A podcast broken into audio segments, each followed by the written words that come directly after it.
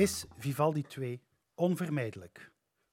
Een podcast door Europees parlementslid Tom van den Driessen. Volgend jaar kiezen we een nieuw Belgisch federaal parlement. Dat bestaat uit 150 kamerzetels, verdeeld over 88 Vlaamse en 62 Franstalige.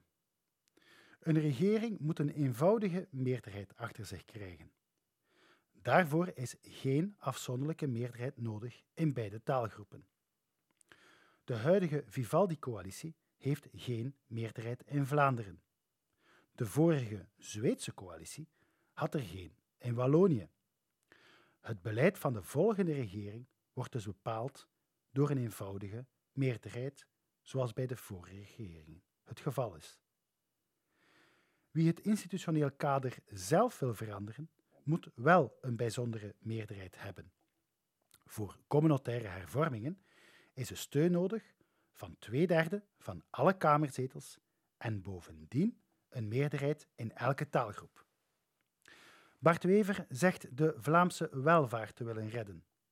Die bevoegdheden zitten volgens hem allemaal federaal. Daarom, zegt hij, kandidaat premier te zijn.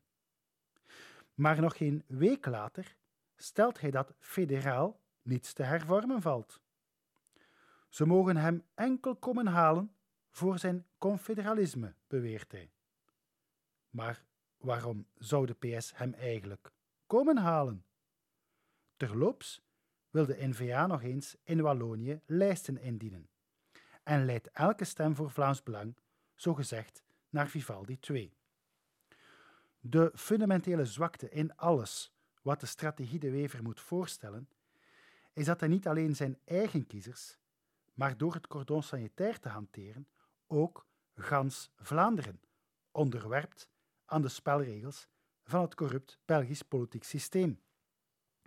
Die zorgen ervoor dat de minderheid, de PS, van een minderheid, Wallonië, kan bepalen wat de meerderheid, Vlaams Belang en N-VA, van een meerderheid in Vlaanderen nog kan, mag of moet doen. Immers, voor beide ideologische verschillen tussen, tussen de Franstaligen hebben ze een vitaal nationaal belang. Dat is voor hen de miljardentransfers vanuit Vlaanderen.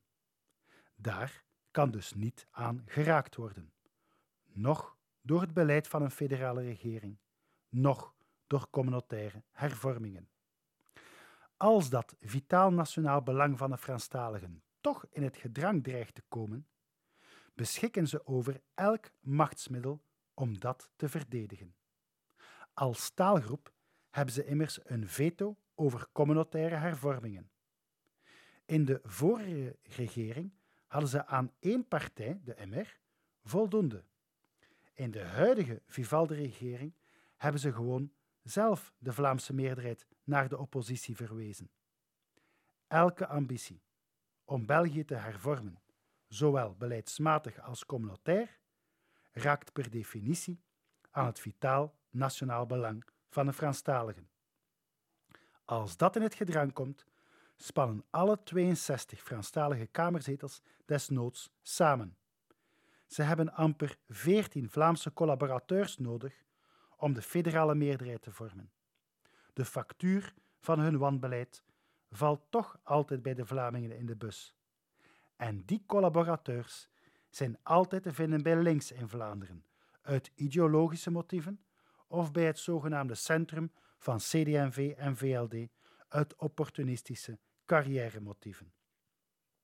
De onderhandelingspositie waarmee gelijk welke Vlaamse partij met gelijk hoeveel stemmen in de Kamer aan tafel komt om ons nationaal vitaal belang, namelijk het stoppen van die miljardentransfers te verdedigen, is dus fundamenteel zodanig zwak dat we onze belangen onmogelijk kunnen verdedigen.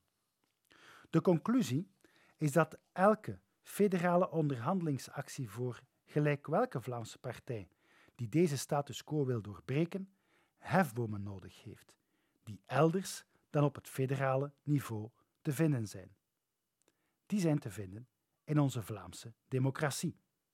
We moeten de volledige kracht van onze Vlaamse democratie benutten en loslaten, en dus het cordon sanitair breken.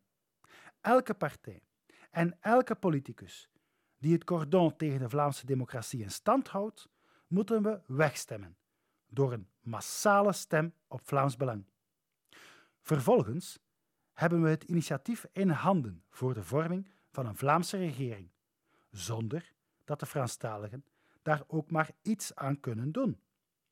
Ten slotte vormen we op het federale niveau een Vlaams front om doortastende communautaire hervormingen af te dwingen die onvermijdelijk naar onze eigen Vlaamse onafhankelijke staat leiden, omdat ze het vitaal nationaal belang van de Franstaligen aantast.